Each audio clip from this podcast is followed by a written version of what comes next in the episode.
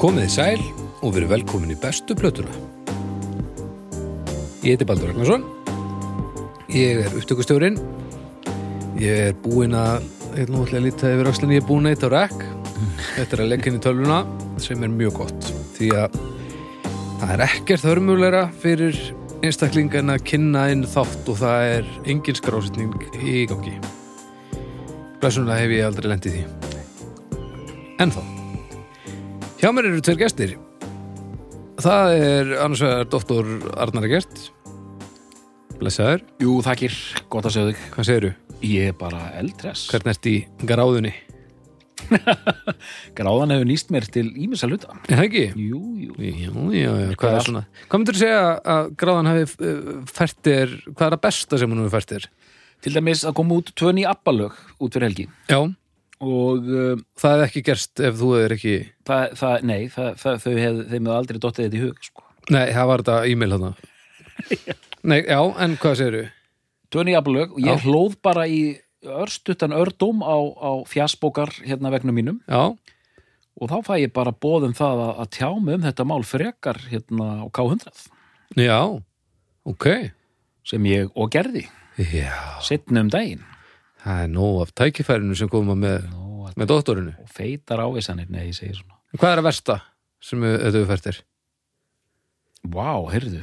Já, ég hef þetta misti næstu því geðið, Já, en ég, það er samt mainstream já, ég veit að það er mainstream, það, það, það er víst, það gerist fyrir alla, sko. Já, Og það, ég gerði eins og allir, ég svona næstu því misti ge, ge, Já, já. hérna geðið svona. en næstu því svolítið líkil orðaðna sko Já. Og það- þetta var bara, Þú veist, ég er næstu því doktor Ef við- þú veist, Þannig það er svona, já, já. Æ, ég, ég- ég er sammála, em, ég, ég, þetta, þetta, ég, mér finnst þetta vera klísja þetta að, þú veist, meni, ég skráði mig í þetta nám að fúsum og frjálsum vilja. Já, já Það var enginn að neyða mig til að gera þetta. Nei, neða, svolítið ekki En, en maður fær náttúrulega afleitar hugmyndir upp á dag sko Það er ekki það En þetta var bara verkefni sem ég kláraði og það var indislegt. Já. Dáslegt. Enga slæmar, alveg slæmar minningar Bínum Nei, vonbreið ekkert, ekkert sérstaklega, ekkert sérstaklega. Jæja, vonbreið En svo erum við haug Hæ? Þar er nóg af slæmum minningum Já, já. Já, uh, hvað segir þú í dag? Glimrandi. Er það ekki? Jú, Helviti gátur jú, jú. Já, ég, ég, hérna Nú vil ég bara minnast á að hérna, í þessum þætti, þar sem við gerðum það ekki síðast að ég vildi bara hrósa þér fyrir hérna, þetta eh, remix á, á, á introstefi bestu plötunar Já, í það segja fyrir. síðasta þætti sem ég á nú upprunulega stefið en, en, en þetta, eh, þessi endurgerð var náttúrulega algjör slistaverk Það er bara gleðum með að heyra. Já, og, Já. og hérna ver- eh, verður þetta eitthvað svona lenska í framtíðinni eða? Nei, ég veit það ekki, sko. Það er takmarkað sem maður getur gert svona einn í tölvunni af, af uh, listafólki sem verður tekið hérna fyrir. En, eh, Það er bara, það er svo kolorant en, en allt ára nei, ég menna að við bara sjáum hvað verður á dagskráni hér uh, síðan meir og ef tækifæri gefst, þá hver veit. Já, ég- þegar við tökum hérna bestu blötu Andrew Lloyd Webber, þá kemur svona, Já. þá voru introðu svona eins og í söngleik, sko. Já, ja, Cannibal Corpse Já, já, já. eða eitthvað Möguleikarnir er endalusir, sko. Já, það er í rauninni sko Ég útiloka ekkert. Nei, það er gott Þetta verður allavega ekki hérna uh, þetta verður kannski aftur en, en, en við skulum ekki gera ráð fyrir svo oft Svo að þið líði betur Nei, bara þetta tekur agalega tíma Já, í Já, en þetta var fallegt og gott Já, og við, við þakkuðu þér fyrir þitt framlag í, í, í hérna hljóðmyndina á þessum ágæta þetti Já, En hérna, áðurum við fyrir nú að tala um músík uh, meira, við erum náttúrulega að tala aðeins um músík en þá ætlum við nú að koma aðeins inn á hljóðkirkjuna Já. Hljóðkirkjan, hvað er það, spyrjið ykkur? Jú, það er þetta sem þið eru að hlusta á. Það er þessi hlaðvarps samsteipa, hlaðvarps fjölskylda eh, sem inniheldur, ég veit ekki alveg, ég er ekki búin að telja þættinu nýlega. Það er einhverjir þættir sem að svona eru eh, að sk- eh, svona hýsa sig upp úr einhverju sumafríi en þe- það eru nokkru þættir sem tóku sér smá pásu sem eru konir núna aftur og, og, en hvaða þátt viljið þið tala um núna? ég hef að tala um Ef ekki tala bara um snæbjörn. Snæbjörn talar við fólk Já. sem að er uh, ágætis tilbreyting af því að það, á tímabili þá leið mér eins og þessi þáttur hefði alveg mátt heitt að Snæbjörn talar á fólk Já. að þessum að maður var þólandi hérna í tíu þætti eða svo um, Snæbjörn tala við fólk það er á hérna, hvað, 50 dögum Já. og þá fær hann einhvern gest í heimsókn og spjallar við hann í rosalega löngum máli hann tekur sér tími í þetta hann er góður í þessu og Já. hann er líka bara með tímanum alltaf að verða betri og betri í þessu Ég gjör samlega. og uh, ef þið eigið hálfan sólinning aflögu vikulega þá getið tjekkað á þáttunum að spibba e, þeir eru orðnir nú þegar, hvað, ætlir séu orðnir 70 núna? Já. Ég held það, já, ætlir þáttur 70 hafi ekki farið í loftið í gær Ok. þannig að þið skulle fara og aðtúa uh, hvort þið vilji ekki kynnast einhverju að þessum viðmælendum betur því án já, ég held að sé bara næstum því í öll þau skipti sem hann hefur tekið vitalegu einhvern þá heyrir maður fólk tala um eitthvað sem maður talar ekki venjulega um Já. Ég sá, já, ég sá hann tala við Cell 7 hann í hljóðfærahús einslægi. já, Þá bara sá ég það að drengurinn er náttúru talent í, í þessum fræðum, sko. já, hann er góður í þessu Þetta er, hann gerir þetta mjög vel. hann hefur líka áhuga á fólki og, og því sem fólk gerir vel Má ekki fara að dundra því inn á eitthvað hlaðvarpsform? Snæpið talaði við fólk. Nei, hérna hljóðfærahús. Já, horn, horn lögfarúsins Já. það væri nú heldur breyttur hægt Ég, þú veist, ég, ég myndi aldrei enn að horfa á viðtal, sko, en ég skal hlusta á þetta allt saman upp til agna. Já, já, ok. Þú veist að það er hægt að hlusta þó þú sérst ekki að horfa. Já, það er öðruvísi. Já, Þá finnst mér eins og ég verði að horfa líka. ég vil ekki horfa, ég vil hlusta. ég skil. Já, já, ok, sorry, við kíkjum á það. En já, snæpitalar við fólk á fyndum, við tekja því. Styrtar aðili og, og, og samstars aðili í það skipti er eins og í síðustu viku, Karolina Fönd. Já. Já. Það stórkostlega já, það- þetta Karolínufönd er ótrúlega góð leið til þess að, að fjármagna uh, hugmynd sem maður fær sem maður veit ekki hvernig maður á að fjármagna. Þetta er, já. þetta er mér- bara þetta er, þetta er uh, skemmtilegt form og innvinklar neytandan uh, að vera partur af því sem er að fara að gerast. Já, en þið búið upp á svona að fólk getur aðstóða sína listamenn Já, og svona, þetta er svona samhjálp einhvern veginn Já. og svona, þetta er ansi glúrið Þetta er glúrið nefnilega, þetta er það og uh, eins og ég talaði um síðast að þetta þegar að ég hef nýtt mér krafta Karolínafönd þá fekk ég alla þá hjálp sem að, sem að ég þurfti og þannig að ef þið eru með góða hugmynd þarna úti en vitið ekkert hvernig að, að haga ykkur í því að, að, að koma svona stað þá getið þið hirti Karolínafönd og þau aðstofa ykkur með að skoða þetta mál nánar en eh, kannski svona svona, já það er ekkert bara að vera að hópfjármagna einhverja tónlistartengda hluti eins og ég hérna kom lottu appinu þarna í gegn Já, já, já. og það hafa verið leiksýningar og alls konar bækur og alls konar útgáfur uh, í, í bara hin- hinum ymsu kemum uh, listarinnar Já, já, hún hérna, vinkona mín Jóna Hlíf Halldórsdóttir, hérna listamaður hún er að, hérna hún er að fara með eh, bókverk þarna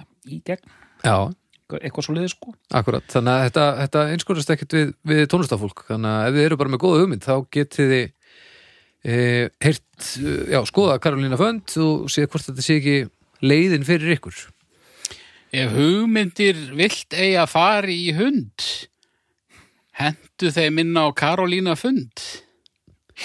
Haukur, þú ert algjör vél þegar það kemur að kemur að- að að slagurum Já, ég bara, þetta er bara, þetta er ótrúlegt. Já, já, þú ert bara ég- ég- ég- þú fungerar vel undir þessari pressu sko nú er haukur farin að rúlla sko Já, Hann það er komst gott. upp. Betri sérstæði. Já, en ég meina, þú veist eldingu slær sjaldan eh, niður eh, tvisvar á sama stað, sko ha. Já. Ég myndi nú segja að þetta hafi alveg verið eldingu og svona önnur minni Já.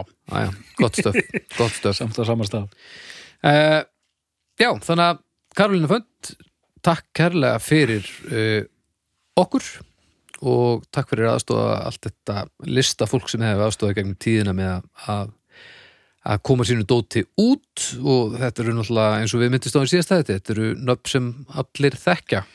Jú, jú Alltaf, Hvað töluðum við um í síðast þetta? Ég man ekki einu sinni hvaða nöfnu töldum. Sko ég get þulið þetta upp Eh, MC Gauti, Reykjavíkudætur, Lára Rúnars Mammút Já. uh, Þjóðlega sveitin Brek og svo framvegis sko. Sæta, Sætabrauðsdrengir. er nákvæmlega haukur Sætabrauðsdrengir. Sætabrauðsdrengirnir, maður. og já, bara já. Hí- Já, þetta er bara algjör snilt. Þannig að skoða þetta.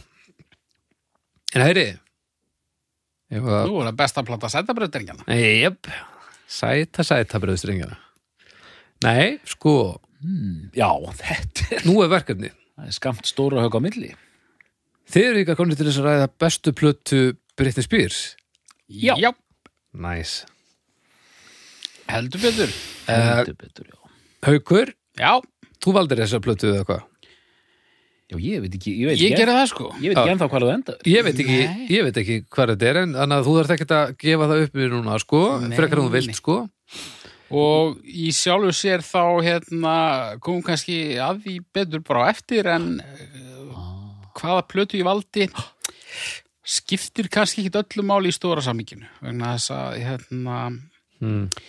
uh, þetta er uh, different kind of animal skulum við segja þetta er ekki hérna Í litla saminginu skiptir það samt öllum álið þú gerir eitthvað fyrir því já já og það verður komið inn á það Ok, en, en hérna um, nei, segðu það bara strax starrendin svo að Britney Spears hún á ekki hún á ekki svona áberandi bestu plötu það er bara þannig uh, en þær eru sumar eru betur en aðrar já, og ég ætla að tefla fram einni sem að ég tel svona merja það mörja það en uh, að vera heilstæð Ok, sko, út frá- varla sko Ok, út frá því sem þú ert að segja núna þá vil ég kannski bara byrja á því að fá frá þér af hverju þú ákvæmst að ráðast í þetta verkefni með ekkert afgerandi verk sem uh, stendur er næri uh, af sömu ástæðu og ég á eftir að tefla fram ímsum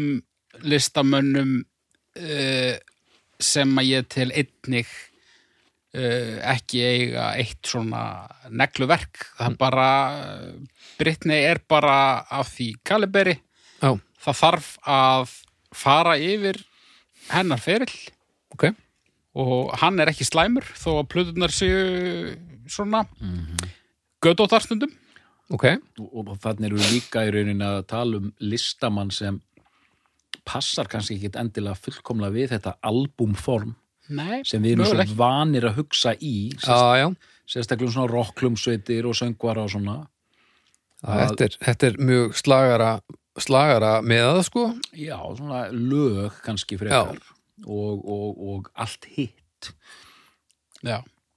En, jú, jú, uh, hlustendur hafa eflaust uh, síðan nafnið á þættinum að ég sem sagt ætla að tefla framplötunni Femme Fatale Í- frá árinu 2011, vona ég.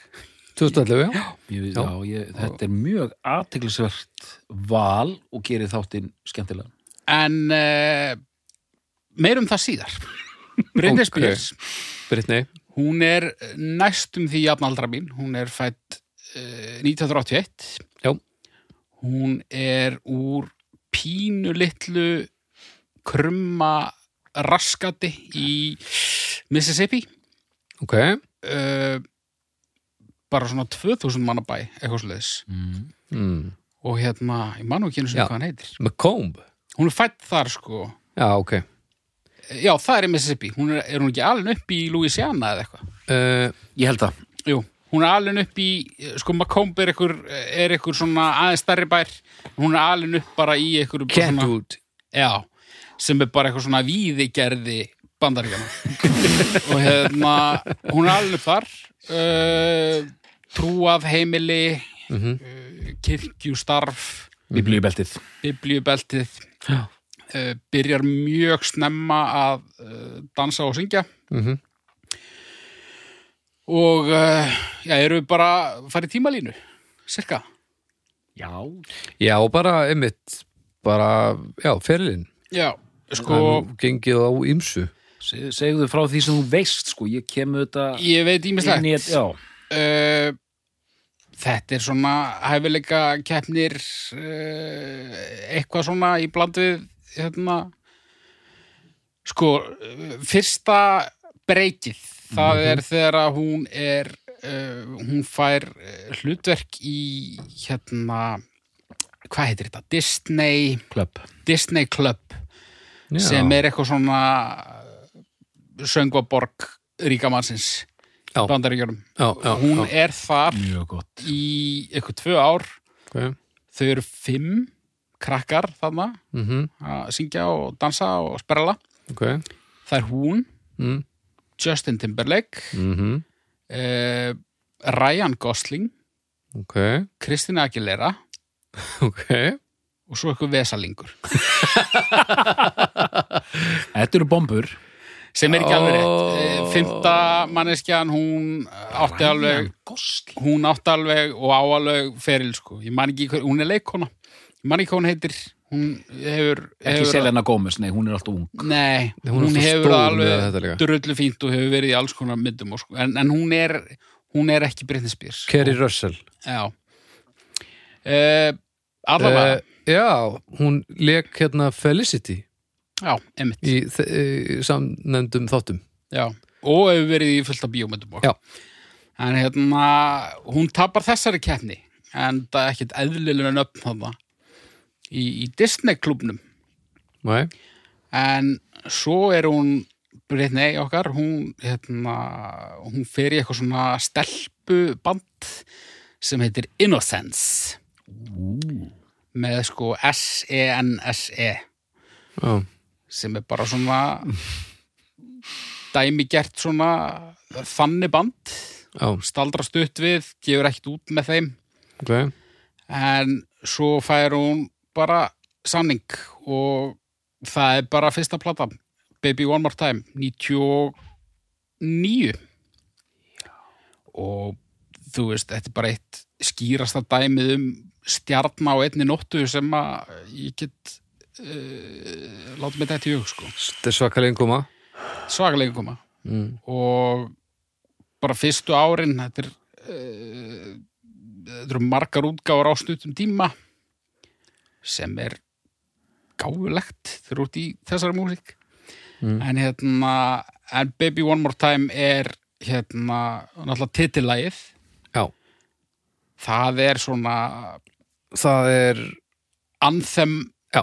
kynnslóðar, Já. skulum við segja það er lag sem engin af ákveðinu kynslu þekkir ekki. Nei. Algjörlega, þetta er bara eins og fólk sem ólst upp í bílana þekkti Hard Day's Night eða eitthvað líka, sko. Bara svona... A, já, að, ég held að sé hægt, þú þú hefur þurft að hafa, hafa verið inn í einhverjum helli ef þú hefur ekki átt að verða var við þetta. Einmitt. Og, já, sko það er svo plata og svo er það uh, Oops, I did, did it again sem kemur hann bara árið senna þúsund. já, það er bara fínt að tala um þær bara svona saman og því að þær eru bara eh, af sama meði Mm. En, já, ég ætla að fá skjótin. já, þú veist uh, Oops, I did it again þær var að tala um uh, slípun sem hefur átt sér stað og reynsla í bankan þarna á milli og hún er bara svona eh, hún er örgari einhvern veginn, Mm. betri eiginlega Mm. Mm. en m- mér finnst það er samt eiga heima svolítið saman Ok. um, Mér finnst, ég ætla bara að henda þess inn, að- svo ég gleymi Já, því ekki. kóðum að hérna í mín, mín eiru hérna og ég veit ekki með ykkur þið eru á öðrum aldri en ég en þú veist maður var auðvitað og rosalega auðvitað rokafullur og, og, og leðalugur og fannst þetta að vera eitthvað einmitt, bara eitthvað svona drasl fyrir börnin sko Mm. en séðan auðvitað Drasl fyrir börnin. drast fyrir börnin sko og þú veist ég var að vinna í japiskiliru og maður svona hérna ma ma maður svona trúði ég alltaf að fólk var að kaupa þetta því manni fannst þetta svo ömulegt sko mm. en síðan tekur maður út svona þroska og fyrir að skilja að hérna þú veist, fólk hlustar á alls konar músík og hérna, ég er ekki hérna einhver Nei, þú ert ekki, þú ert ekki Sauron Nei, tónlistasennuna nei nákvæmlega, ná, ég var einmitt að- ég var einmitt að hugsa um hann sko. Já, já, en eðla að hérna en ég veist eh, ba- hérna, Baby One More Time ég ætla bara að rétta hendin haukur að því hún er svona þetta er hérna saklösa stúlkan við- sem býr við hliðinaður mm -hmm. hvernig hún svona situr á, á umslæðinu já, og hérna Já, og já. lögin og lög, tónlistin er ennþá svona, svolítið svona fullorins mér finnst þetta svo mér finnst þetta svo einhver svona gamalt fólk sé að syngja bakrættinnar í öllum lögunum og þessi svona það er eitthvað svona Céline Dion feelingur yfir þessu sko Það er svona fr- frændi kostaði plötuna Já, og þetta- allir voru með eitthvað svona fjölskyldu svona gamaldags feelingur Já, já, já. síðan kemur sko hérna uppsendir ekki uppsætt eitthvað genn og þá er þetta að fara aðeins að íja að þetta sé nú ekki alveg jafn, hún sé ekki jafn saklus og, og, og, og, og eitthvað svona þetta er rétt ég er meira að hugsa um hljóðheim uh, hljóðheimurinn er svipaður það er og þetta er einu svolítið magna og því ég hef hlustað á flestar ef ekki allar hennar plötur áður og sumar slatta en ég, ég hef aldrei tekið þetta svona uh, svona stíft það sem ég í rauninni vissi ekki að sko tónlistin þetta er eiginlega bara eins og Backstreet Boys Mhm. NSYNC þetta er bara þannig músík Mhm. Já. nema bara með kvenrödd og betri húkum já, oftast myndi mér ég finnst það, segja, já. mér finnst það en, en ég velti því samt fyrir mér finnst mér það út af því ég fíla hana en ég fíla ekki hitt og fíla ég hitt ekki út af því að það eru kallar og ég er ekki alveg að kaupa það. Hvað fílar við hana? uh, rosalega margt Söngröðin? uh, ekkert alltaf sko Nei, Ég- alltaf sko, Jú, oft en uh, það er Oftast. þessi, það er þessi, svona, s- þessi leið að syngja varmanni svo framandi sko.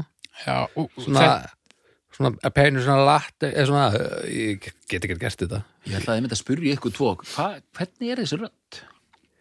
Uh, þetta er mikið svona uh, uh, uh, mikið uh, svona að ráma uh, já, hún er hún er uh, mér finnst þú rosa misjöfn sko Mm. stundum dettur hún í það bara "Eh." Já. en svo getur hún líka sungið bara eðlilega sko og mér finnst uh, korugt betra en annað sko Er hún með eitthvað söðuríkja drawl? mm. ég veit það ekki alveg Ég veit ekki neitt, ég veit ekkert hvað ég er að segja sko. nei. en sko Mm. en þetta er bara NSYNC Mhm. en ég bara einhvern veginn kaupi þetta miklu betur sko en er þetta ekki samt ekki bara uh, þeir eru líka margir sko. það er held í málið Af því þeir að- verða margir og ef þú ert með, ef þú ert með margar stelpur í bandi og það eru ekki spæsköls þá gefur maður minni séns heldur en einhverju einni sem kemur já, ég held að þetta sé ágætspunktur líka sko En er þetta fíla þessar fyrstu tvær plötur sem held? Uh, nei, en það eru mörg lög á þeim báðum sem ég finnst gríðarlega sterk. Og eru þau öll front, frontlútuð? Þetta eru allt framhlaðningar, bara liggur við allan ferilinn. það er bara þannig. Mm. Og, Skinsamlegt Já, en þú veist, ef við tökum, og það hefur náttúrulega bara verið lenskan í svona poptónlist gegn tíðina, uh, undantekningar þar hafa verið plötur bara eins og við tökum bara Jackson eða eitthvað þannig. Já. það sem að bara þú ert með bara fleiri skotellög Já. þannig að þú getur dreift þessu út í gegnum plötuna mm. en uh, Britney hún hefur gefið út, hvað hefur hún gefið út Eh, 8, 9, 9 eða 10 breyskjur Já. og þetta eru svona þrjú frábær lög þrjú ágætt Já. og fjóri hundar það er svona, það er svona meðaltalið og það er auðvitað, einmitt, á þessu- og þetta er auðvitað geislæti sköldin hann, það er að halda liðinu all, minnstakosti fyrstu þrjú lögin, sko nýju, nýju plötur sig Já, var það ekki alltaf pælingin, halda liðinu við efnið fyrstu þrjú fjögur lögin Mm, það hlýtur að vera þú, þú, þú, þú ferð ekki að taka einhverja svona listrana áhættu og setja einhver, einhverja nei, það, það, það er ekki the name of the game, sko Nei, nei. En þú veist, svo fara þetta inn plötur þarna setna á ferlinum, það sem er meira að frétta setna á plötunum. En þetta er samt, þú veist, eh, þetta er yfirleitt, hérna, yfirleitt koma fylgjarnir svona í restina. Mm. En þú spyrir mig þessar fyrstu tvær, mér finnst þær góðar, en, en þú veist, ef að hún hefði látið staðar numið þar, þá væri engin að tala um hana. Mm. Þú veist, Næ, þó þetta hafi verið gríðalega stórt og þetta eru tvær best sendu plötundarinnar já, sem væri segir kannski ekki alla söguna út af því að síðan náttúrulega hættir fólk bara að kaupa plötur já, já. En þarna eru samt gríðalega vinsalög sko, sem eru það enn þann dag í dag sko, á þessum fyrstu töfur. Já, já, algjörlega en ég held að einmitt, hún væri ekkert á þessum stalli sem hún er á í dag ef ekki væri fyrir toxic til dæmis það er bara það eitt og sér ef það vantaði þá væri þetta bara þrý hitt vonder skilur ég held líka að hún væri ekki á þessum stað ef að uh, ef að allur harmurinn sem kom síðar væri Já, já. ekki til staðar Mæri. En hún fær, haukur kannski leiðir það, að hún fer að fá meiri gaggrinislega vikt frá og með þriðu plötu. Já, það er platan Britney Mhm. og þú veist mér, mér finnst pínulegilegt að geta ekki sagt já, þarna fara hlutir að gerast þannig að þess að það er eiginlega aldrei þannig þetta er bara, hún fylgir tíðarandanum rosalega fast já, uh, svo koma jú lög sem eru algjörabobur eins og þú talar um Toxic sem kemur á fjórðuplöðuri já In the Zone in the Það zone er I'm- I'm a slave for you. I'm a Slave I'm a for You Slave sem for er You er- geðvegt lag sko. hún er á breytni ha, hún er á breytni hún er á Britney, já, já, það er Já. kallt og það er strípað. og þarna er ég ætla ekki að segja þessi alveg farið en þetta sem þú talaður um Girl Next Door dæmið það er að þinnast út þarna og hún er að verða svona eitthvað uh, kynferðslegt rándýr Já, sem að síðan, það er önnur umræða ég, sexy Britney ég kaupa hann ekki 100% sko en hún sit, já, það er rétt þér, hún situr framan á hann að Britney plötunni, hún er eins og svona leikona úr einhverju svona matmaksmynd, hún er svona, já, daldið svona skítug og svona, eh, já, svona þvæld einhvern megin, sko. já, Og einmitt sexy Britney, þegar- þegar þú segir þetta, að, til dæmis hann myndin af henni framan á hafna sapndisknum hann, já, my prerogative, einmitt þar sem hún er bara eins og vændiskona, sko. ég bara er að fatta það núna ég man bara ekki hvernig coverið á þeirri plötu er En Það, það, er, það er alveg rétt sem hún segir ég, sexy Britney, þetta er ekki alveg, þetta gengur kannski upp 79% nei, eða Já. minna jafnvel. Ég held bara að hún sé, þú veist, uh, og ég meni þetta bara á besta mögulega hátt, sko. Ég held bara að hún sé, já, já, þessi mynd, Já. einmitt. Ég held bara að hún sé bara of góð stelpa einhvern veginn í grunninn. Þannig að, uh, ég veit það ekki, þetta eru, það geta allir tekið sér til og verið sexy, en, en að vera þessi fígúra sem hún er síðan alltaf að reyna að vera og tekst að vera á einhvern hátt. en þarna á Britney, þá koma þetta inn því líkir hotshot hérna, upptökumenn Já, og þarna breytir soundið svolítið. Já. Þú veist, eh, við segjum skilið við þetta 90s boyband sound. Mhm. Eh, hún vinnur samt áfram með ákveðnum pródúserum, eins og til dæmis Max Martin, Já, já. sem að fylgir henni í rauninni í gegnum allan ferilinn. já, En þetta er ekki þannig og í rauninni eru fáir poppara sem vinna þannig í dag. Þú veist, þetta er ekki ein plata með einum pródúser. nei, nei. Þetta eru bara alls konar lið Já. sem leggur lög í púkk og svo er bara gæð plata úr því. og þannig Timbaland Eh, Uh, Timberl- Timberlake nei, Timbaland, hérna producer var já, ekki- Timberlake er samt líka þannig ekki Var Timbaland á þessar blötu? ég Er ekki, hana, er ekki Neptunes Jó, Neptunes, hann að Farrell Einmitt? kannski er Timbaland á Já, hann er ekki að það hann er alveg hljómar mjög segur að vera hann eitthvað staðar á þessu tímabili allavega. En ég er svo sem engin doktor í, í Britney upptökustjórum. En, en einmitt, þetta, þetta Farrell sound, það er svona frekar nýtt frá henni komið þarna, þú veist, það er ekki þetta, hérna, æ, þú þekkir þetta bara pínu hallarslega boyband sound sem er samt skemmtilegt sko sem að er bara rosalegt 90s dæmi og hún skilur það bara svolítið eftir þar einmitt uh, og á breytniplötun er Neptunes, það er hérna I'm a Slave for You og svo hann Boys Já. sem er líka geðvegt lag Mhm, og það eru kannski einhverjir að hlusta sem að uh, gruna mig um einhverja kaltæðinni hérna en mér finnst þetta geðveg lög sko. og hérna uh, svo er alltaf einhverja svona miskóðar balluður á hverju plötu uh, þá er nú skip takkin oft skamt undan uh, sérstaklega að lagið I was born to make you happy kemur á fyrsta blöðunni Ah, yeah, ok já, það er þetta gott lag, það Ágætt. er textin sem verið tjóðanar en svona er þetta En það er, býtu, hvort er hérna hvort er það Britney eða In The Zone er það ekki In The Zone þegar að hérna uh, Crossroads hittarinn mætir hérna ó, hvað heitir þetta helvítslag Eh, Býtum við, Crossroads er hvað, 2002? hver eru singlandir á In The Zone Býtum við, það er náttúrulega Toxic já, það er, það er hérna, býtum við, ég er að bara, I'm not a girl já, not a, not a girl not Me Against the Music, Toxic Every Time og Outer Hateous eru singlandir af henni. ok Eh, þá er það bara Britney platan Amara Girl, Narira Woman Já. er af henni, já. Já. stráka, Sem er stórkostlegt í Crossroads. ég horfði á Crossroads Hún, já, haukur, Ég hafði aldrei séð Crossroads ég horfði svo oft á hana á fylliríum. Ég hafði aldrei séð hana Og varstu að horfa á hana á DFT?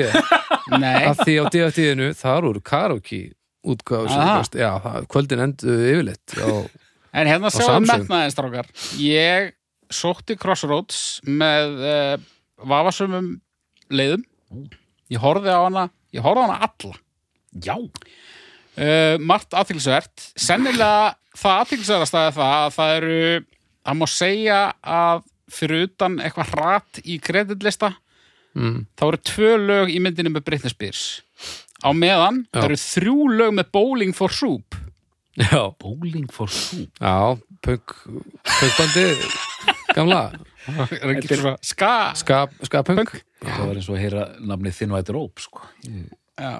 Þrjú lög með Bowling for Soup í Britney myndinni Tvö lög með Britney Spears Þetta er ekki góð mynd samt sko. já, En- rólegur Býðu, fóli Býðu, hún er samt bara jafn léleg og hún væri þó að Meryl Streep hefði leikið þetta hlutur Já, já. Britney er ekki vandamálið þarna nei, nei, hún er ekki vandamála átna neinu Hún er ekki frábær en hún er bara, hún bara púlar þetta alveg sko. ótrúlegt atrið þegar að þegar að þau eru að setja saman amnara göl við píanóið og þau eru svona að pikka þau upp svona af hverju öðru Já. það er svo hryllilega náttúrulegt það, það er bara eins og þetta hafi gerst í alvörunni Já.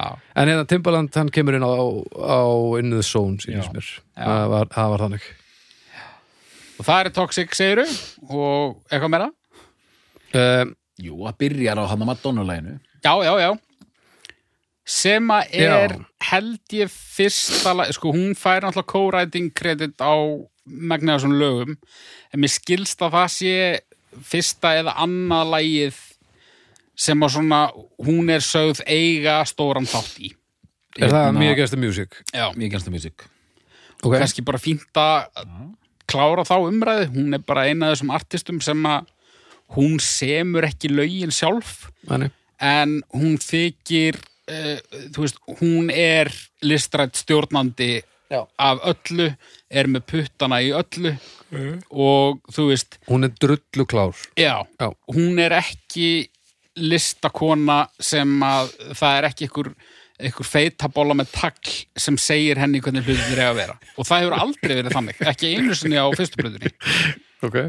og Mjög hérna þannig að Ná, hún er nösk hún er nösk en þarna fer að síga ansi mikið ógæfu hliðina hjá henni Brittany mm. á innlega svo já, svona bara á þessu tí- ég er að tala um engalífið sko. Upp úr henni, mennur Já, já, ég veit ekki nákvæmlega hvernig þetta byrjar en, en Blackout sem er hann að fymta platan það er platan þegar allt er farið til helvítis þá var hún búin að raka sig var það ekki? jú, ég held það eða hvort að það er það er bara um þetta leiti uh, þú veist, hún náttúrulega lendir í því að hún giftist einhverjum drulluhalla og En byrju, In the Zone, hvenær kom hún út? 2000 og, Ég ætla að segja að hún hafi komið 2003 2003, já. Já, og Blackout kemur 2007, var það ekki? mm, 6 eða 7 Nei, ekki, Uh, látum okkur nú sjá. 2007, það er ágætt gisk 2007. Uh, Fjögur ára mitt. 2007. Já, Já, Það fjögur er ára réttið þér. En þarna, náttúrulega, hún missir frá sér börnin, uh, missir forða yfir þeim. Uh, hún er komin í einhverja neyslu sem að er ekkit almennilega vita hversu mikil eða alvarlega er. Hún er farin að hanga með, þú veist, Paris Hilton og Lindsay Lohan og þessum konum og bara, það er bara vesen á henni. Hund, eld náttúrulega, af paparazzi ljósmyndurum bara frá bara. 99 og Alveg drekt í þessu, ok. Já, og sko Og er þarna á þessum áratug, þetta er stærsta popstjarnar bara heims, eða ekki? Jú, Það er bara bara þannig. hygglöst, myndi ég segja Það talaði um að, já, að á milli 2006 og 2007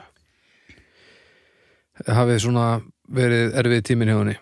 Já, Ég, var- ég var loðsaður í að skrifa grein eftir grein um Britney Spears fyrir morgunblæðið. Já, Sjálfur Styrmir Gunnarsson heitinn, riðstjóri. 2006 til 2008. Ná, hann breytnaði maður Það var ótrúlegt að sitja að fund fyrir sko lesbókina og ég átti að fara að skrifa grein um Britney Spears og Styrmir Gunnarsson á öllum önnum sagði, sagði Britney Spears eitthvað svo leiði sko. Gat ekki alveg borað það fram sko. Já, En hann var, hann var klókur með þetta, sko. Hann, hann, gat, hann treysti fólki til góðra verka, sko. En hún var það stórt dæmi, sko. Það, hún var bara sett allstaðar, sko. já, já, Og, og tekið alvarlega, sko. Þetta var, en þetta var, þetta voru alveg Amy Winehouse, Nið, þetta var alveg þannig niðurif, sko. já, já Hún hefði, átti alveg, ekki fucking break. hefði alveg geta endað jafn illa Já, Ég veit ekki hvort það hefði geta endað á sama hátt Nei. En það hefði geta endað mjög illa Og maður veit náttúrulega ekki hvernig það endar Þannig að hún er náttúrulega ennþá bara Ekkit á besta staðanum held ég sko uh, En Blackout það er plata, sko, ég er ekki búin að gera það upp við mig, vonandi er þetta fjórði þátturinn af, af hundrað sem ég verð með ykkur hérna, en kannski ekki ég er eiginlega ekki búin að ákveða ég er ekki búin að setja mér neina reglu, er ég að fara að tekka á dómum eða ekki, ég hugsa Nei. að það verði bara stundum og stundum ekki ok. en ég gerði það þarna út af því ég var bara raunverulega ég, m- mér vantaði bara að vita hvort það var rétt tilfinning hjá mér að hún ætti ekki svona ultimate plötu Já, og það virðist vera tilfellið Blackout er hins vegar oft nefnd ofarlega en það eru líka fleiri plötur en maður fær að pína á tilfinninguna að það spili inn í allt hitt að þarna að það gefin einhverja listræna vikt að það sé allt í klessu hjá henni Já, já. í engalífinu uh, en platan er fín samt sko Já, mér minnir einmitt, ég dæmdi nú allar þessar plötur fyrir mokkanum svona tíma. Ma, mann lítið hvað ég skrifaði, sko. Mér minnir einhvern veginn að maður hefði fundið þennan, fyrirlegt að segja frá einhver svona, það er einhver svona skuggi yfir plötinni sem gefur henni eitthvað. já, já. En þú veist hvort að það gefi henni vikt, ég er bara ekki viss, sko. það gefur henni alltaf vikt svona allavega fyrir mig sem mann sem hlustar mikið á drungalega tónlist þá auðvitað er þetta alltaf aðlaðandi en ég er samt pínu þannig að ég vil bara Britney geri það sem hún gerir best sem er bara ykkur sjúkir pophúkar Þetta Og- er djóti við sem platan hennar. þetta, Já. já er það ekki Jú, ég myndi halda það allir það ekki, jú. en hérna, eh, ko- ko- það er fínt að þú kom bara alltaf með singla sko, út af því að þetta já, sko, þarna frá í rauninni fyrstu tveimur og alveg aðfam fatal þá, þá er hægt að hnika þessu eina plötu til að frá í hausnum á mér og ég er ekki alveg viss sko. viltu fá frá Blackout?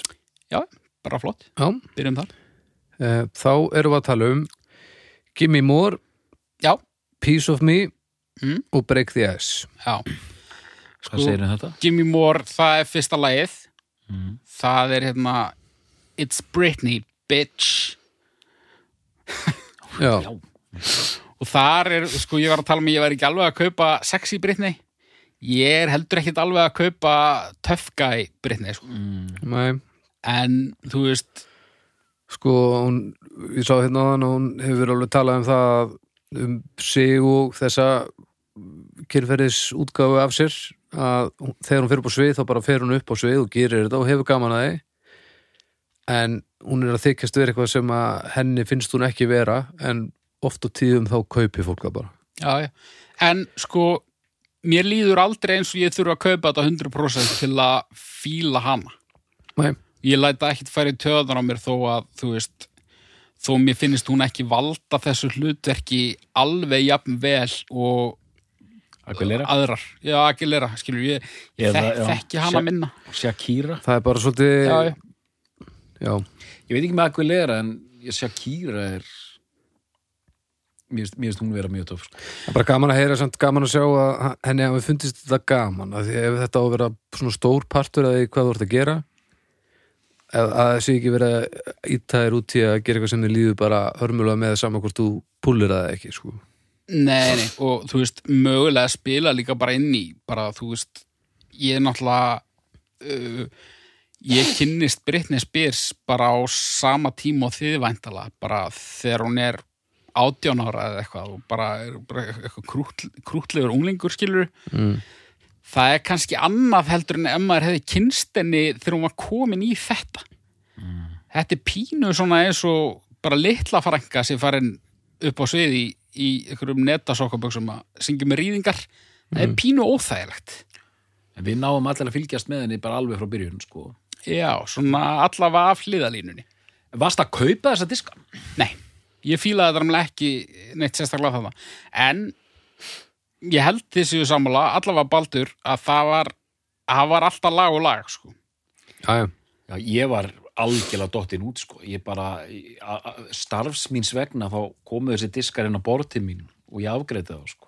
Já. en ég var ekki neittni aktífur í hlustun sko. sko fyrsta lagi sem ég heyrði og bara heyrði þetta gæti vel verið eitthvað það var I'm a Slave já, og Boys já, já. og svo náttúrulega kemur Toxic á plötunni þar á eftir og þá einhvern veginn bara það er þar sem að ég er svona á, já, þetta, þetta, Tough þetta, stuff. þetta er gott þetta er gott og ég meina já. það er lag sem þú, veist, þú getur verið bara í hérna, Pig Destroyer Longsleeve bara blekar á ellefinni ef, ef, ef að Toxic kemur þú getur alveg dillaði við það og þú ert ekki að skammast í neitt sko. Nei, það er há rétt Pig Destroyer Á, rétt. Longstreet. mjög gott ég meina það, það hlýtur að segja eitthvað um um þetta lag já, sko, einmitt, Þú veist- bæði sko, I'm a slave for you og Toxic eru svona, fa- finnst mér svona þetta eru kvöss lög Já, þetta er bara svona, það er- það er rock í þessu já, en, en á þess að þetta sé rock ánægst að þetta sé rock sko. já, já, Þú veist, algjörlega þetta er ekki þú veist, einhver, eitthvað babe og eitthvað Rammstein taktur undir sko.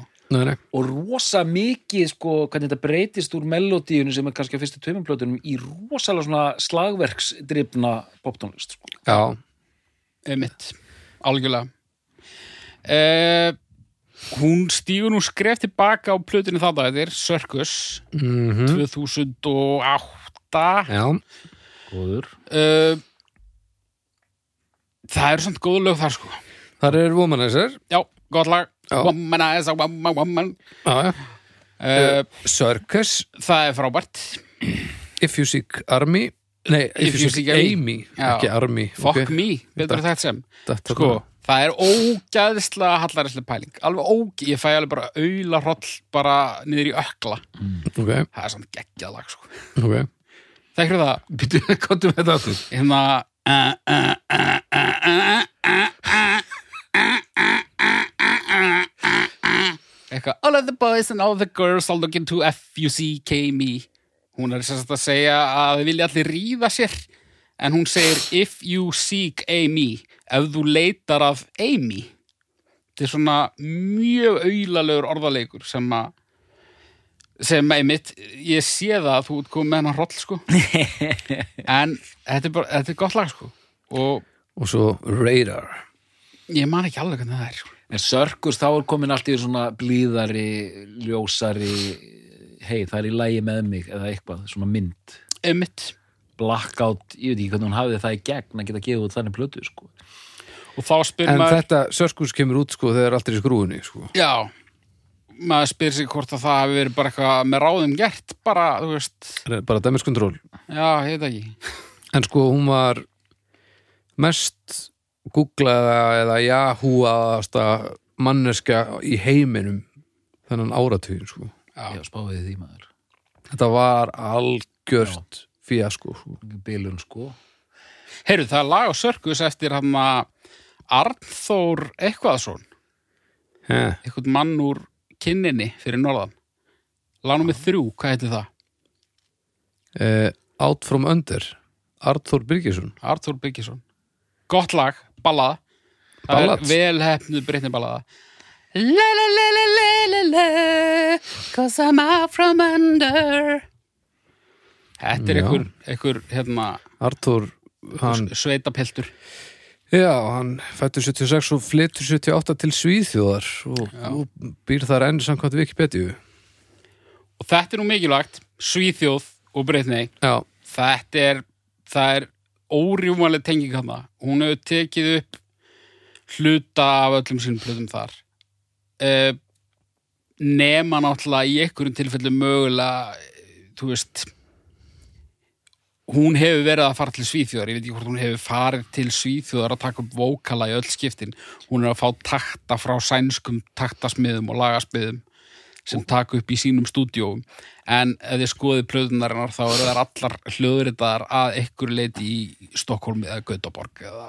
Og, og, og, og hvernig voru þessar tölur? Það er bara fyr, eh, höfundar flestra slagara, fyrsta sæti, Lennon McCartney, annað sæti Max Martin. það kemur bara ekkert á óvart sko. mm. Max Martin, sko, það verður nánast hægt að gera heilan þátt um hann Já, já. uh, En hérna sé ég viðtal bara frá því fyrir tveimur árum við hann sem að Kristinn Haukur Guðnarsson Já, tekur við, við Arþór við, við hann hérna Arthur Byrgisson sem er þá ný orðin flugmaður okay. en hann hins vegar flutti til Svíþjóðar sem barn og hóf ungu störu sem upptökustjóru og lagahundur og hann hefur samið lög fyrir uh, margara frægustu popstjórnum veraldar má það nefna Britney Spears, Westlife, Celine Dion, Janet Jackson og Carlos Santana Já, Við erum með kempu Já, Það er það sem við erum með. allir. ég held reyndar að allir nema ég og kannski þú hafi samið lag fyrir Janet Jackson Já, sennilega. en, hérna, en allt hitt er mjög impressiv Mm En Sörkus er Já. fín plata sko en, en þú- hún er samt svona bara eins og ég var að tala um aðan þú veist, eh, þetta eru kannski þrjú geggjulög, þrjú fjögur Mhm. bara ljómandi góð og svo restin bara svona eitthvað framhlaðningar framhlaðningar. En svo er hann líka, já, fyrir ekki, ég er hérna aðeins fastur í Arþóri, sko. Eru að skauta yfir plötuna sem þér finnst best eða allar bara koma með það á, á þínum tíma? Já, Eh, ég er Þú koma í restina eða núna? Nei, ég eða? ætla bara að segja hann og ég, og ég er með mjög, nú öfunda ég þig sko, af því að ég hugsaði þig sko, býttu nú við, ég var svona býttu nú við, nú- en núna þegar þú er búin að tala, þá er greinilega, þetta er ígrundu ákvörðun, heyri ég. Ég er bara með Britney sko, sem held ég Já. að flestir séu með. Sko. Þriðju plötuna? Já. Já. Nei, og ég, er með- þess að ég er mjög klísukendur hérna sko, en ég gat ekki farið eh, á neitt annan stað sko. Nei. Þetta var samt sko, þetta var ekkert auðvelt hjá mér út af því ég, þú veist uh, að kannski bara meira af, af því þegar að hann er búin að fræða okkur meira um, Nei, En ég ætla á eftir, ég ætla að muna það hérna, því ég las mér einmitt aðeins til um þetta, var að lesa dóma um þessar plötur og já, við, við ræðum þetta, við ræðum já, þetta. ég las slatt af áhugaverum dómum sko. Það sem hefur verið að svona greina þessar plötur sko, eitt gaggrinandi vildi meina og vilt kannski taka afstöðu þess núna að hún hefði alltaf verið að færast lengra og lengra frá plötunum sko að það var, hefði, og hann tiltekur sérstaklega plötuna sem þú ert að nefna þar sem hún er svona eins og skuggi eða gestur á eigin plötu sko. Já, já, ok einhverja, einhverja þannig kenningar sko Já, þú og, veist, og síðan sé hún að komast tilbaka en já, tökum þetta í verið tímaröðs og þetta verið skiljanlegt en ég meina það er eh, kannski, ég meina við erum bara komnir að fanfatal núna, 2011 við erum bara þar og en til að klára þessa pælingu þá náttúrulega kannski ekki ósvipað og við vorum að tala um í síðasta þætti Mm. þetta verður allt velrætna Já, já. bara tónlistin út af því að bara elektrónísk danstónlist þróast hannig Já, já.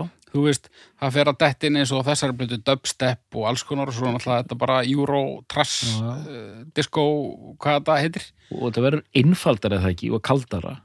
Eh, allavega kaldara, jú Já, já. Svona króm, krómtaktar.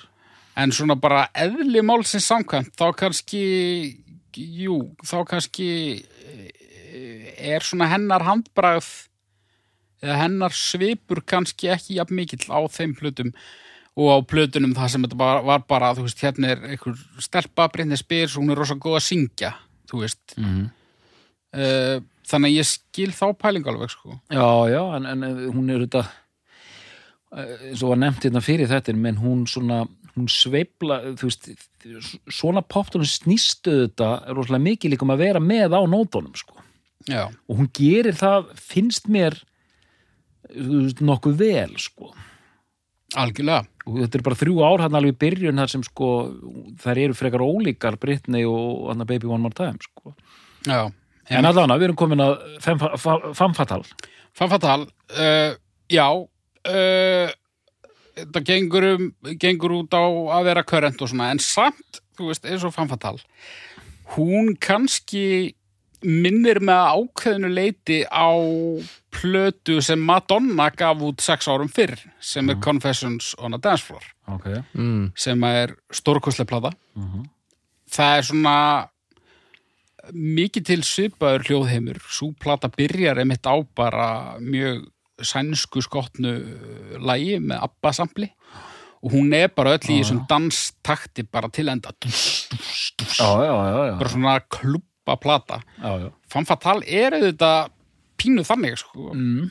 en kemur það út sex ára senna en hún samt var ekkit eitthvað deytitt þegar hún kom út ég, þú veist, nei, það er uh, kannski önnur platan sem ég svona hlusta á frá byrjun til enda í rauntíma. famfatal Já, Mhm. svona á hér breytni plata og ég ætla að tekka á henni. heildstæð, Já, en finnst þér að vera heildstæð nei, nei, nei, en, en þú veist, uh, en ég er að segja sko út af því ég upplifið hana á þeim tíma sem hún kom út og ég man ekki til þess að mér hafi þótt vera eitthvað farið að slá í hana sko. nei, nei, nei, nei. En nei, hún er heildstæð ust, Aha. finnst mér. En hún er... Það er... Það eru svona tveir hundar, kannski. ok, En sko, ok. Trakklisti. Uh, uh, ég er með þetta, býtu. Já, Ekki, já. ekki eitt auka þykja orð. Nei, nei, nei, ég er bara, Hérna, þetta er ekki í hug Till the World Ends, fyrsta lagið. Rétt það er svo gott lagstrákar það er svo sjúkt lag það er svo bleitant Eurovision bara þú veit að sjú eitthvað titling á einhverjum klubbi í Berlín og þetta er bara þú veist og þetta er svo mikið, þetta er svo mikið anthem Eh, þið þekkið þetta lag ég var að hugsa um staðin stálröruð í Berlín já, Já, já, já, já, já, já, já. mm, alveg, þetta er algjörlega þannig Já, og þetta er bara þetta er, þetta, þetta er svo mikil, mikil pumpa ég, ég, Já. ég, ég er eiginlega orðlaus sko. já.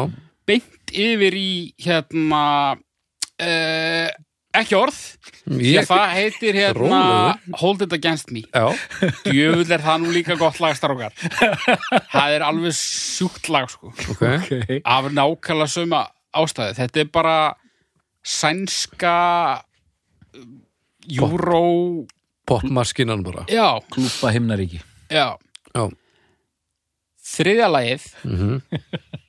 er mitt uppáslagubrinni já. það var ekki eins og singul sko. við, við erum að tala um við erum komnir í Britney Deep Cut Já, þetta er, ég, ég bara, ég, ég, bara, ég, ég vona að heyra þessa samsetningu einu sinni.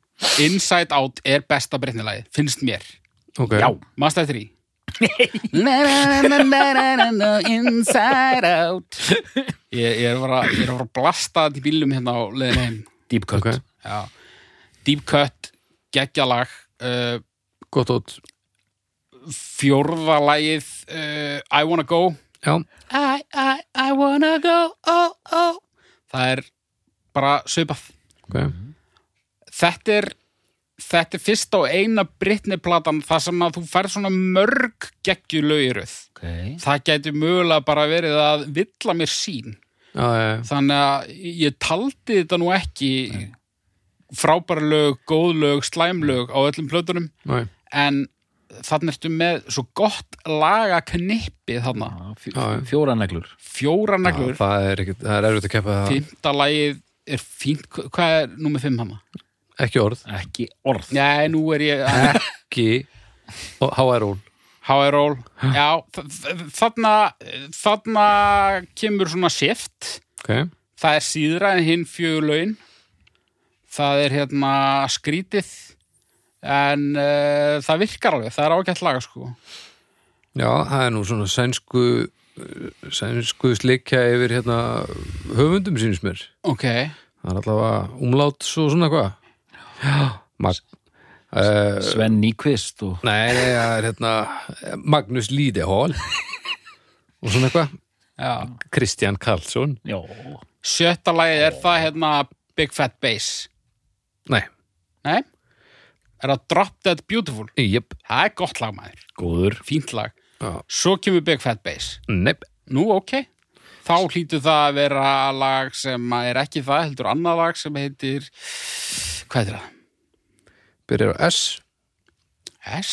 endar á Ílitt við það kiss Já, ó, það er gott lag Nú, Það er svona dubstep negla, sko ok Frábært lag uh, Ég ætla ekki að fara að syngja mikið af þessu, sko Nei. en, en ég er að tala um hérna Big Fat Bass út af því að það er hundur, sko En byrju, en, en, en byrju, byrju, byrju, þe- Þegar við erum að tala um sko dubstep er, það- þá er það ekkert er það bara svona í, í brúm og eitthvað svona, Það er bara, svona, það er bara lag sem hljómar eins og Skrillex hafi pródusera það. nú, já, já Það er bara svona þessi wobbly argi sinnþi Já, og þú veist þetta takt fokk skilur Það fyrir ekki alveg alla leið sko, Nei. en alveg svona eh, ég myndi segja að það lag væri, væri samt dubstep sko. ok, Það eru örugglega einhverjir, einhverjir brettar og sammála mér já, uh, Big Fat Bass er hundur sko. það er Will I Am, Já, það er drastl Mm. hann sko semur það Já, hundleðilegt lag og er með henni í því Já, ok, Næsta. uh, Trouble for Me já, það er flott lag Það er svona aulalag En það er skemmtilegt sko ok, uh, Já, nú eru þrjúlegu eftir Þarna, það er skrítið lag Þarna, Trip to your heart það er næst já, Já, það er Það er rosa skrítið lag ok, það er sænsk slags ég á því líka sko Já, það er svona rólegt en samt með einhverju svona danstakti Það já, er svona draumkent svolítið ah Uh, ég er að fatta það núna, ég kann ekki að lýsa svona, Svona- ég veit ekkit um danstólist Nei, þú veist, er Andskotinn þetta, hafi það. er þetta svona, svona vangandans á reyfi? Já, hvað eru að tala um? Mm, Já, já, segjum það bara Mm. Ekki, undir einhverju þýskri brú. uh, Kriminal er síðasta lagið Já. en á undan því kemur eitthvað lag Já, það, uh, kriminal vantar þetta stundum og næst út af því. Já, Gasolín, Gasolín. Já, já. Já, það er bara gott lag sko, solid lag Kriminal er uh, ágætt sko, blokkflauta í ein, Úrlega ein alvöru hljóðfæra á þessari byrði Mama, I'm in love with a criminal Þannig kemur já, hérna já, já. já. Britney hérna Já, kemur hérna klemdi söngstílinn. Já, söngurinn já, já. En sko, ok, það var fjóruði singull. ég er að tala eila örgulega ómikið um þessa plötu með því hvað mörgum geti þótt hún eiga skilið en hún er frábær Ok, Ég las nokkra dómum þessa plötu Athyglisverðasti- Þeir eru svona flestir fínir sko. Ok. Atilsverðast dómurinn var tveggjastundu dómur í Independent ok. Það sem að tónlistaskribent Independent, hann er ekki rifin ok, það er Andy Gill Já, já. úr gang og fór Nei, þetta er alveg hans. er þetta alnafnans? Ah. en þessi er líka dáin Já, ok, báðu döður. ég smelti á hann og bara ætla þessi Andy Gill úr gang og fór smelti á hann og það kom Andy Gill was a bla bla bla bla bla Já, þetta er annar maður það er ekki hægt að smetla á hann hérna á Wikipedia allavega Já, ok. Æja, þar fór sá móli fyrir lítið, en þá veit ég það allavega. En þetta er eins og, einn Má það? Tveir sem heita Andi Gill voru báðið döðir. ein vinnum minn var að hrósa bestu plötunni þar sem hann sagði að þáttastjórnunur fjalla faglega sem ófaglega um músík. Við erum lotið mjög vænt um það, hrós. Já, það- það líka- Það lýsir þessu fullkomlega, sko. það gefur smá sögurum, það er gott Oh, þetta er svo leiðilegt, mér langaði svo að þetta væri hérna sleggja, Andi Gill. Sko. djúlega fyndi að doktorinn hefði leiðrétt þig án þess að hugsa, sig- þurfa að hugsa sig um Já, ég. En Andy Gill, hérna, bladamaður, hann var ekki hrifin. ég vissum að hinn hefði ekki verið hrifin heldur, sko. Það er svona, gekk þetta allt upp í mínum huga. Sko, Vinnu minn, Stephen Thomas Irvine á AllMusic, hann vildi meina að Will I Am væri að eðilegja plötuna. Já, það er svo sérst hvað sem þú sagðir á hann með allavega þetta lag sem hann er featuring, er hann eh, með puttana í Hann er með... mörgum lögum, hann? Já, eða kannski er ég ruglega, sko. það held ég ekki ég held hann sé bara Þá er það önnum plata, sko. ok, Já. Ég veit ekkert, þetta var ófæðlegt.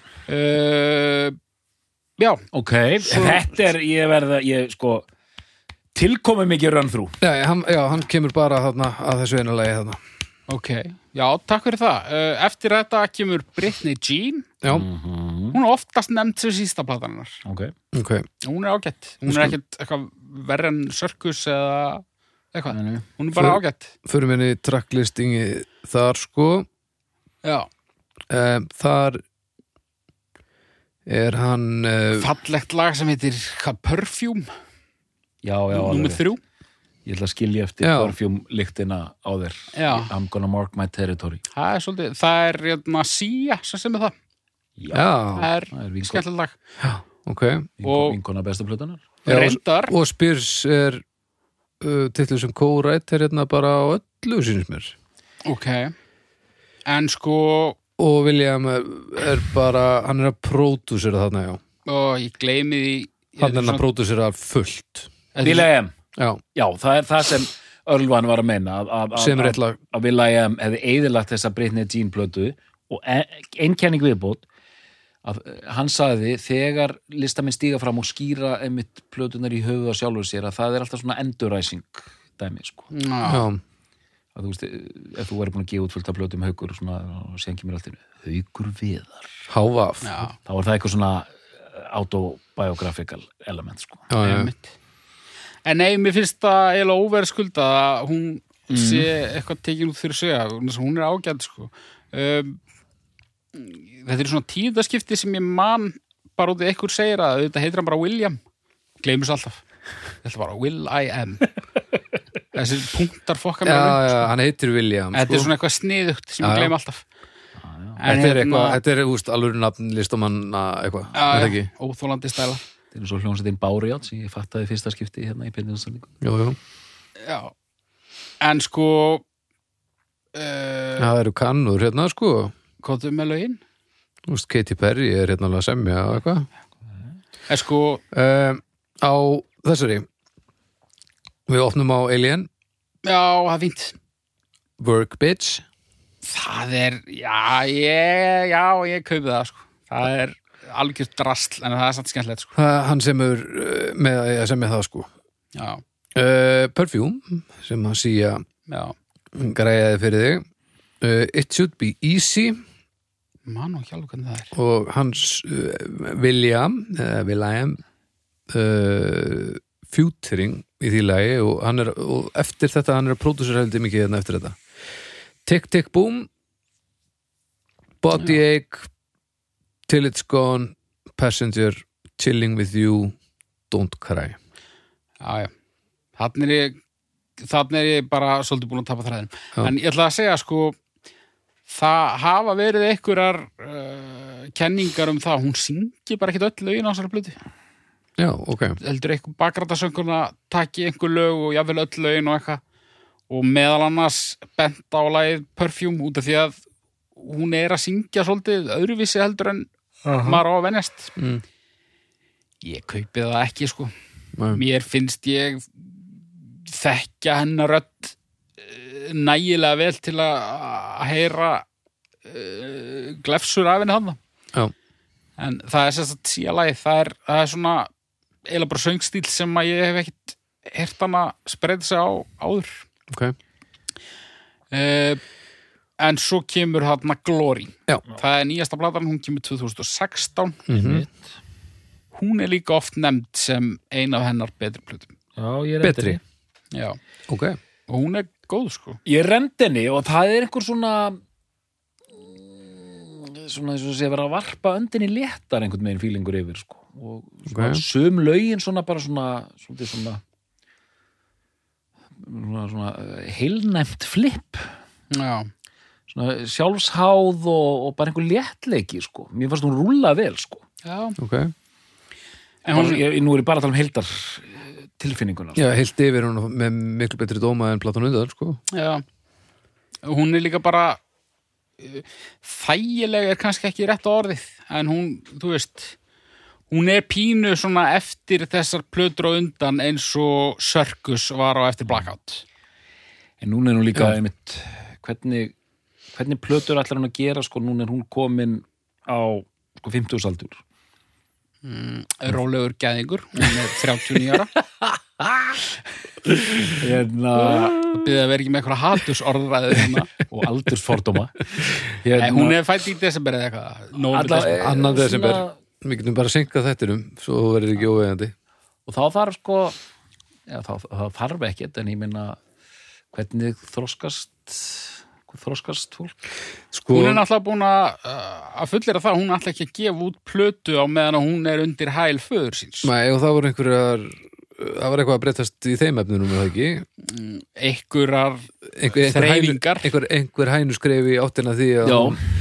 semst að því að þetta þetta enga lífinar er náttúrulega bara búið að vera algjör helber helviti steik sko.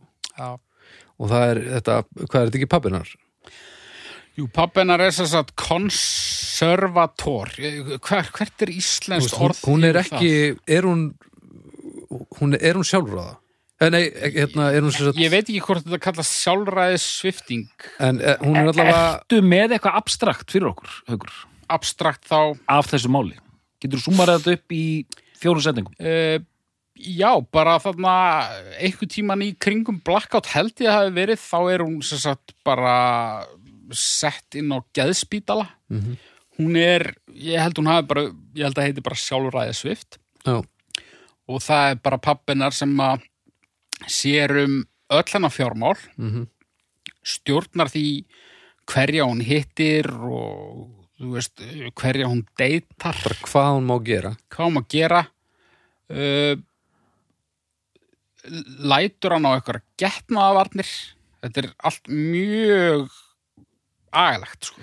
og öll, hún vil eignast fleiri börn en hún má það ekki hún er bara með eitthvað staut inn í sér já, sem hún má ekki láta lækni fjarlæga öðruvísa en með leifi föður síns sem að er skýta drulli sko. og svo eru öll uh, öll lít, minnstu hliðar felsbúr sem þarna framan af sem að hún hérna gerði, það var allt sp- sprengt upp í öllum fjölmjölum þannig að hún átti aldrei breyk sko og svo náttúrulega bara hverfur hún svolítið það er bara Já. veit ekki hver hún er og þá byrjar þetta þessi reyfing sem er bara frí breytni mhm.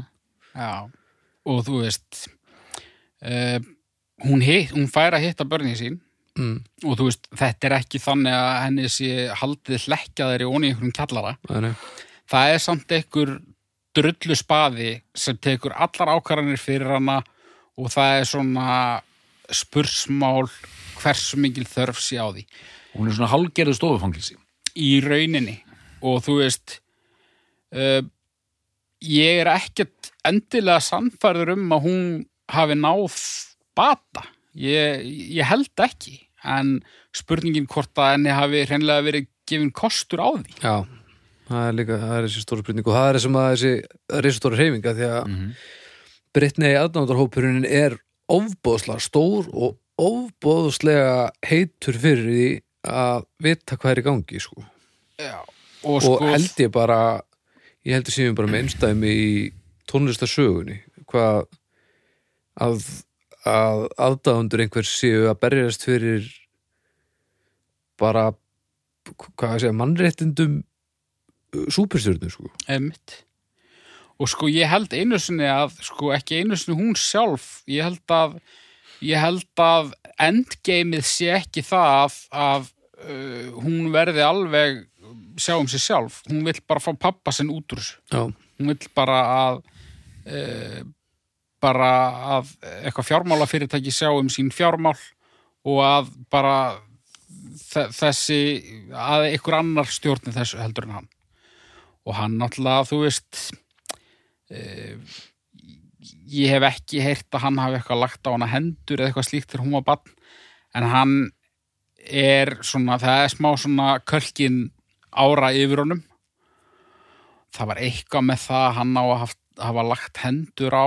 sem sagt, annan són hennar það var eitthvað dæmi og þarna barnsfæðir hennar K-Fed Mm, ég held að hann hafi bara reynilega fengið nálgun að banna á sem sagt pappennar mm, í öllu falli þá er þetta allt saman mjög hræðilegt og hún átti aldrei sens og það var bara og ég er ekki að uh, mála þetta neitt dramatískari litum þegar ég segja að það var alveg stundum sem að var pínu erfitt að uh, kafa svona djúpt í þetta eins og ég gerði sko Þetta er góð skýrsla.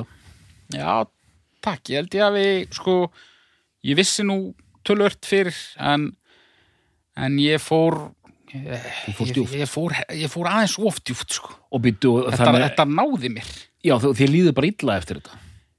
Það er svona einhver svona Sorgarsaga. já, þ- þessi tónlist sem ég finnst uh, að mörgu leiti mjög skemmtileg uh, svona þegar maður fer alveg alla leið í að, að- að eins og ég gerði mm, það svona klínist eitthvað á hana sko. Á músíkina. eitthvað af harminum klínist á músíkuna mm, Já, já, já, já, ég skil. Þetta ég er þetta er sama, ég hlusti ekki á Amy Winehouse lengur á þess að skammast mín aðeins sko skil. Já, já, fyrir þinn þátt í þessu og minn ég, þátt. ég man að ég ég man, ha, ég man bara eftir einu skipti en þá var hún hellu á einhverju festivali og ég man eftir að hafa leið eitthvað að þessu Já, já, já, og ég fæ ennþá bara svona Já, já, já, já. hún átti ekki fucking sens og með einhvern helvitis pappa sem var að Já, já, já, já, já. fokkin upp og þetta er bara sama dæmi já, eh, 14. júli eh, þá sem sagt býtur nú við 14. júli eh, fer eitthvað í gang hérna á þessu ári sko eh, í sambandi við pappinar og, sa, og þann, eitthvað í eh, dómsal þann dag notar Brittany í fyrsta skipti hashtag free Brittany og stiður sem sagt þá reyfingu ofinberlega í fyrsta skipti og bara þakkar þeim basically fyrir að hafa haldið þessu á lofti og, og bara sett þetta fyrir augu almennings eða heimildamindir sem eru hægt að sjá um þetta og eitthvað svo er það 27. júli þar sem að það var hérna gengið í það að, að ganga í því að, að fjarlæði þennan Jamie sem conservator of Spears Estate já og pabbi. fá Jason Rubin eh, í staðin sem bara einhver sem ég veit ekki hver hann er en 12. ágúst e, þá samþykti pappinar að stíga til liðar einhver tíman í framtíðinni þegar bara þegar hann ennir ekki í, sam, í samráði við lögfræðinga sína eh, eða ég vantið an orderly transition to a new conservator en Já. hann er allavega búin að segjast ætla drullast ok, En þetta er náttúrulega bara, þetta gerist í síðasta mánuði, sko. já, Mér finnst þetta mjög áhugavert haukur sem hún segir, ég, hérna, hvernig heyrur þetta í músíkinni? ég heyri þetta ekki í músíkinni ég bara hugsa um þetta núna alltaf þegar ég heyri tónlistin Og hvað, að því þegar ég hlusta á Amy Winehouse, þá er það bæði pínu skömm sem ég veit að ekki, ég veit að því ég hafði engin áhrif á það sem gerðist Þú veist, ég gerði ekkert sem hafði bein áhrif á hvað varð Nei. þannig að það er ekki bara þú veist, það er ekki það, heldur bara svona ég, að- mér líður eins og þessi aðeins verri manneskinni ég væri til í að vera, ég heyri þetta en svo er það líka þessi sorg yfir því sem aldrei varð þar sko Já. Já. uh, að því það var svo helviti margt sem að uh, hún átti mögulega inni sko hvort sem að það á einhverju okkar stiðast ekki en, en mann líður þannig sko og maður væri til í það en með Brittany náttúrulega hún hverfur og gerir ekki neitt það er ekkert rosalega langur tími það sem hún er ekkert gert en ef hún hefði bara fengið alvöru hjálp og, og ekki einhver að reyna að stjórna öllu í kringum hana og stjórna henni sko Já, já. Já, maður Það hugsaði er um meina, við tala um svona færið sko eins og maður hugsaði aðeins um eins og Justin Timberlake sem átti smá run þar sem hann svona stígur upp fyrir NSYNC og gerir hugsaði flottar svona soloplötur sko já, sem eru bara svona ógeðslega töff svipa á það sem Josh Michael náði að gera hann í einhvern smá tíma sko Já. gefur út hann að Older og einhverjum svona akkurat. töff plötur sko hvort að Brittany hefði eh, í þessum fullkóna heimi að hún hefði geta komið með einhverjar grand plötur eftir inn the zone sko En svo hérna, hefur það verið þannig að Justin Timberlake er að beðast afsökunar á hlutum í fortíðinni gagvart henni, sko. Mm. Þú veist, það, það eru allir einhvern veginn sekir um að hafa verið partur af þessu rugli þegar hún er hvað veikust þarna og, og rakkar af sér hárið og já, því er blastað út um allt þá byrja allir að hlæja, sko. Já, já. Og bursi frá hvort þetta hefði haft áhrif eitthvað á plötunar eða ferilin eða eitthvað, bara, þú veist, þetta er náttúrulega bara ríkalegt að taka þarna, þú veist, 15 ár Já, af lífi mannesku já, í rauninni sem að svona hjá mjög mörgum eru svona bestu árin í rauninni. já, og þú veist, hún missir þarna að hluta til af uppvexti barna sinna og þetta er bara þetta er bara svo sorglegt sko. það er líka eitt eh, þegar hún er með svona ofsafrægar manneskjur og að því ég var auðvitað hluti af þeirri kreðsu. þeir, kreðsun, ég var hluti af þessu al, al, alþjóðlega teimi innan gæstalapa blaðamanna sem var að skrifa um þetta og flytja fréttir á þessu Já, og ég var að skoða því ég var að skrifa svona stuttafréttir af henni mm, maður skri, maður, þetta voru mjög köld skrif bara eitthvað Já. svona, já, það er allt í rugli á Brittany já, það var bara eitthvað svona það á ekki af henni Brittany að ganga þetta Já, er allt já. svona kaldar fréttir að, já, þetta er bara eitthvað sirkus sko. varst að skrifa um Amy líka? já, nákvæmlega sömu fréttinnar sko. Já, bara svona stuttar bara ein, og þú veist apað eftir, þú veist bara nák, þú veist nákvæmlega hvað þú átt að skrifa og þú ert bara að koma í orð. já, Það ég er meina, það er en, búið að setja tónin úti já, ég meina, það, það er ein frétt sem byrtist kannski á Guardian eða eitthvað svona og síðan er þetta apað upp Já, af já. öllum sko, Já, já. og síðan bara svona dreifist út út um allt Já, já. og þú veist Þetta ég, held- djöfull er þetta ógeðslegt maður ég, ég, ég held þó að þessi ekki lengri tími liðin að, að mjög margir séu farðir að horfa á svona harmsögur öðrum augum Já, þú veist, nema bretta þó þetta hafi verið 2005, 6, 7 skilur þá, þú veist tíminn hefur breyst gríðalega síðan þá Mm. og þú veist ég trúi því að ef að Pete Doherty væri hérna að gera allt vittlust núna að fjölmiðlar myndu skrifa um hann af aðeins meiri virðingu Já. heldur en þeir gerðu ég er alveg segur um það, þú veist, ég las þessa fréttir og ég, þú veist ég hugsa um Pete Doherty og ég fyrir bara að hlæja skilur hann er bara einhver hakkaðu gaur með eitthvað hatt en þú veist, ég veit ekkert kannski líður honum hræðilega skilur Mm.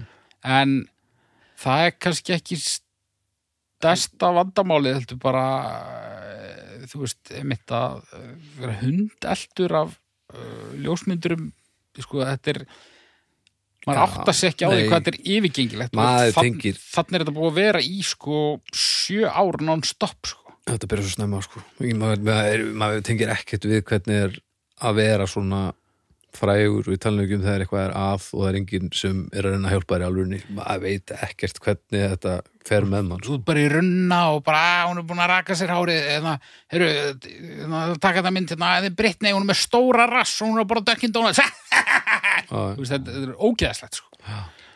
Ég sá hérna bara klippu af, af hérna Libertines á tónlingum bara fyrir örstötu síðan.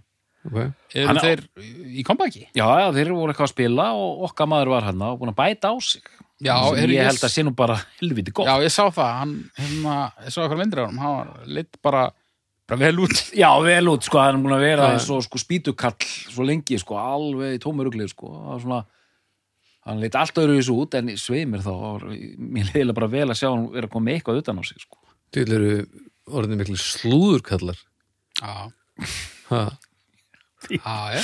Já, Peter Doherty, Ég meina, djöfull. það, það er maður Bara- bara- sem að er bara, fólk tala bara almennt um að sé bara algjör ljúflingur, sko. Já. hann er svolítið svona hérna, á, hann valdi bakkusar það eru ymsi ljúlingar sem hafa valdi hatramur í baráttu við bakkus, sko Já, Mm. en Heyri, þú veist, ég er bara búin að klára mitt, sko. Þetta var bara áhugavert og skemmtilegt, Ljúfsárt. ljúfsárt Mhm. og við skulum slaka okkur í uppgjör og doktor við byrjum að þér. Eruðu frábært, mjög gott að fara yfir einmitt feril þessara mannesku, en frægast að hérna popstætna allara tíma, ég voru að hugsa, hver var á undan Britni, var það Marja Karri eða hver- hver var svona sambærleg? Mm, Eh, Hún átti samt- Kari, stærðarlega held ég að sé ekkert nema bara Madonna. Já, já, Það er ekkert á milli þeirra Nei. sem er af þessari stærð já, Nei. það er, já, það er, það Held- er bara rétt. ég sko. Matan á Britni og þú veist, síðan voru þessar samtíðar konur hann að Shakira og Aquilera og svona. Um, Brittany fátakamannsins klárlega allar saman. ég ætlaði eitthvað að reyna að hugsa um einhverja stóra mynd en hún er bara auðvitað gengur inn í líka þú veist, við höfum átt frá, frá því Elvis Presley kom fram þá höfum við átt svona stjörnur sem bara fara gjörsamlega bara út, út yfir allt Já, já. og all, allir að fylgjast með uh, en svo ég slæki mér í, bara í tónlistina m- mín uppáhaldsbritinplata er þarna Britney, þriðaplatan og ég skrifaði hérna mikinn og langan dómumann á sínu tíma og og með miklar yfirlýsingar mm. og þar er hún bara að negla, þú veist, hún er að taka svona fullorinn skref einhvern megin og er orðin meira töff og kaldari einhvern megin og, og hef svo sem ekkert meira að segja ég skimaði nú allar þessar plötur og samfara því að, að lesa dóma um þetta og hefna, hvernig hún svona fer meira og meira kannski eitthvað svona kulda slagverkstæmi og að nýjasta platan sé svona mannleiri eða hvernig má kalla það sko Mhm. en bara mjög fróðlegt og hérna ég verð að segja þín innkoma var gríðlega sterk í þessum þætti hugur Já, þakkaði fyrir. Ég er alltaf bara hagsmurna aðilið þarna. Jú, jú. Ég, eh, ég er náttúrulega stóð við hliðin á Bowling for Soup á Leeds hátíðinni 2003 þannig að það er svona Já. beintenging frá mér og yfir í Bryndegi sko Á, bóling fór ég er náttúrulega leku í cross, Crossroads sko Já, já, ég, ég lustaði svolítið að bóling fór súp, sko. þannig að svona í einhverju hliðar veröld þá erum við Bryndegi bara þá erum við eitt er, er Bowling for Soup, er það svona svo Mighty Mighty Boss Tones eða eitthvað líka? Já, uh, Eh, þetta er eiginlega rí- meira nærið að vera Rílbjörg Fiss. en við erum á þessum slóðum sko Hvað, ertu tómur í augunum? Sástu það? Þá sjaldan, maður. Já, ég var að reyna að fela það en ég ég ætla, gæla það ekki ok, ég ætla ekkert að gefa neitt meira, ég ætla bara að njóta stundarinnar núna. Þá sjaldan. Takk fyrir í dag og góða nótt. Eh, Haukur, fyrir gefum.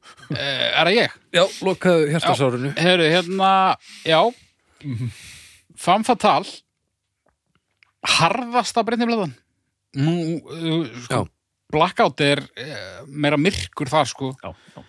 en Femme Fatale, hún er svo hörð hún er svo aggressív þetta er svo aggressívi sinn þar hún er bara, hún er hún það er eitthvað með það þarna, sko uh, en að því sögðu þá komi margar plötu til greina þegar ég ákvaða að renna yfir þetta allt og reyna að uh, koma sjálfur mér af þessari skoðun Mm. þar komu til greina plötur eins og Britney og eins og hérna e, In the Soul til dæmis Mm.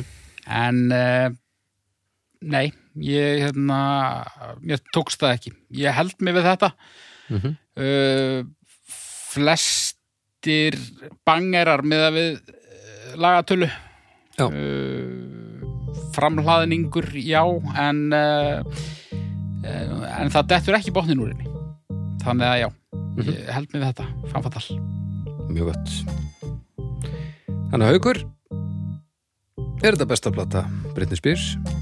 já, Doktor? Er þetta besta plata Britney Spears? Nei. Við þakkum fyrir í dag og við heyrumst að viku liðinni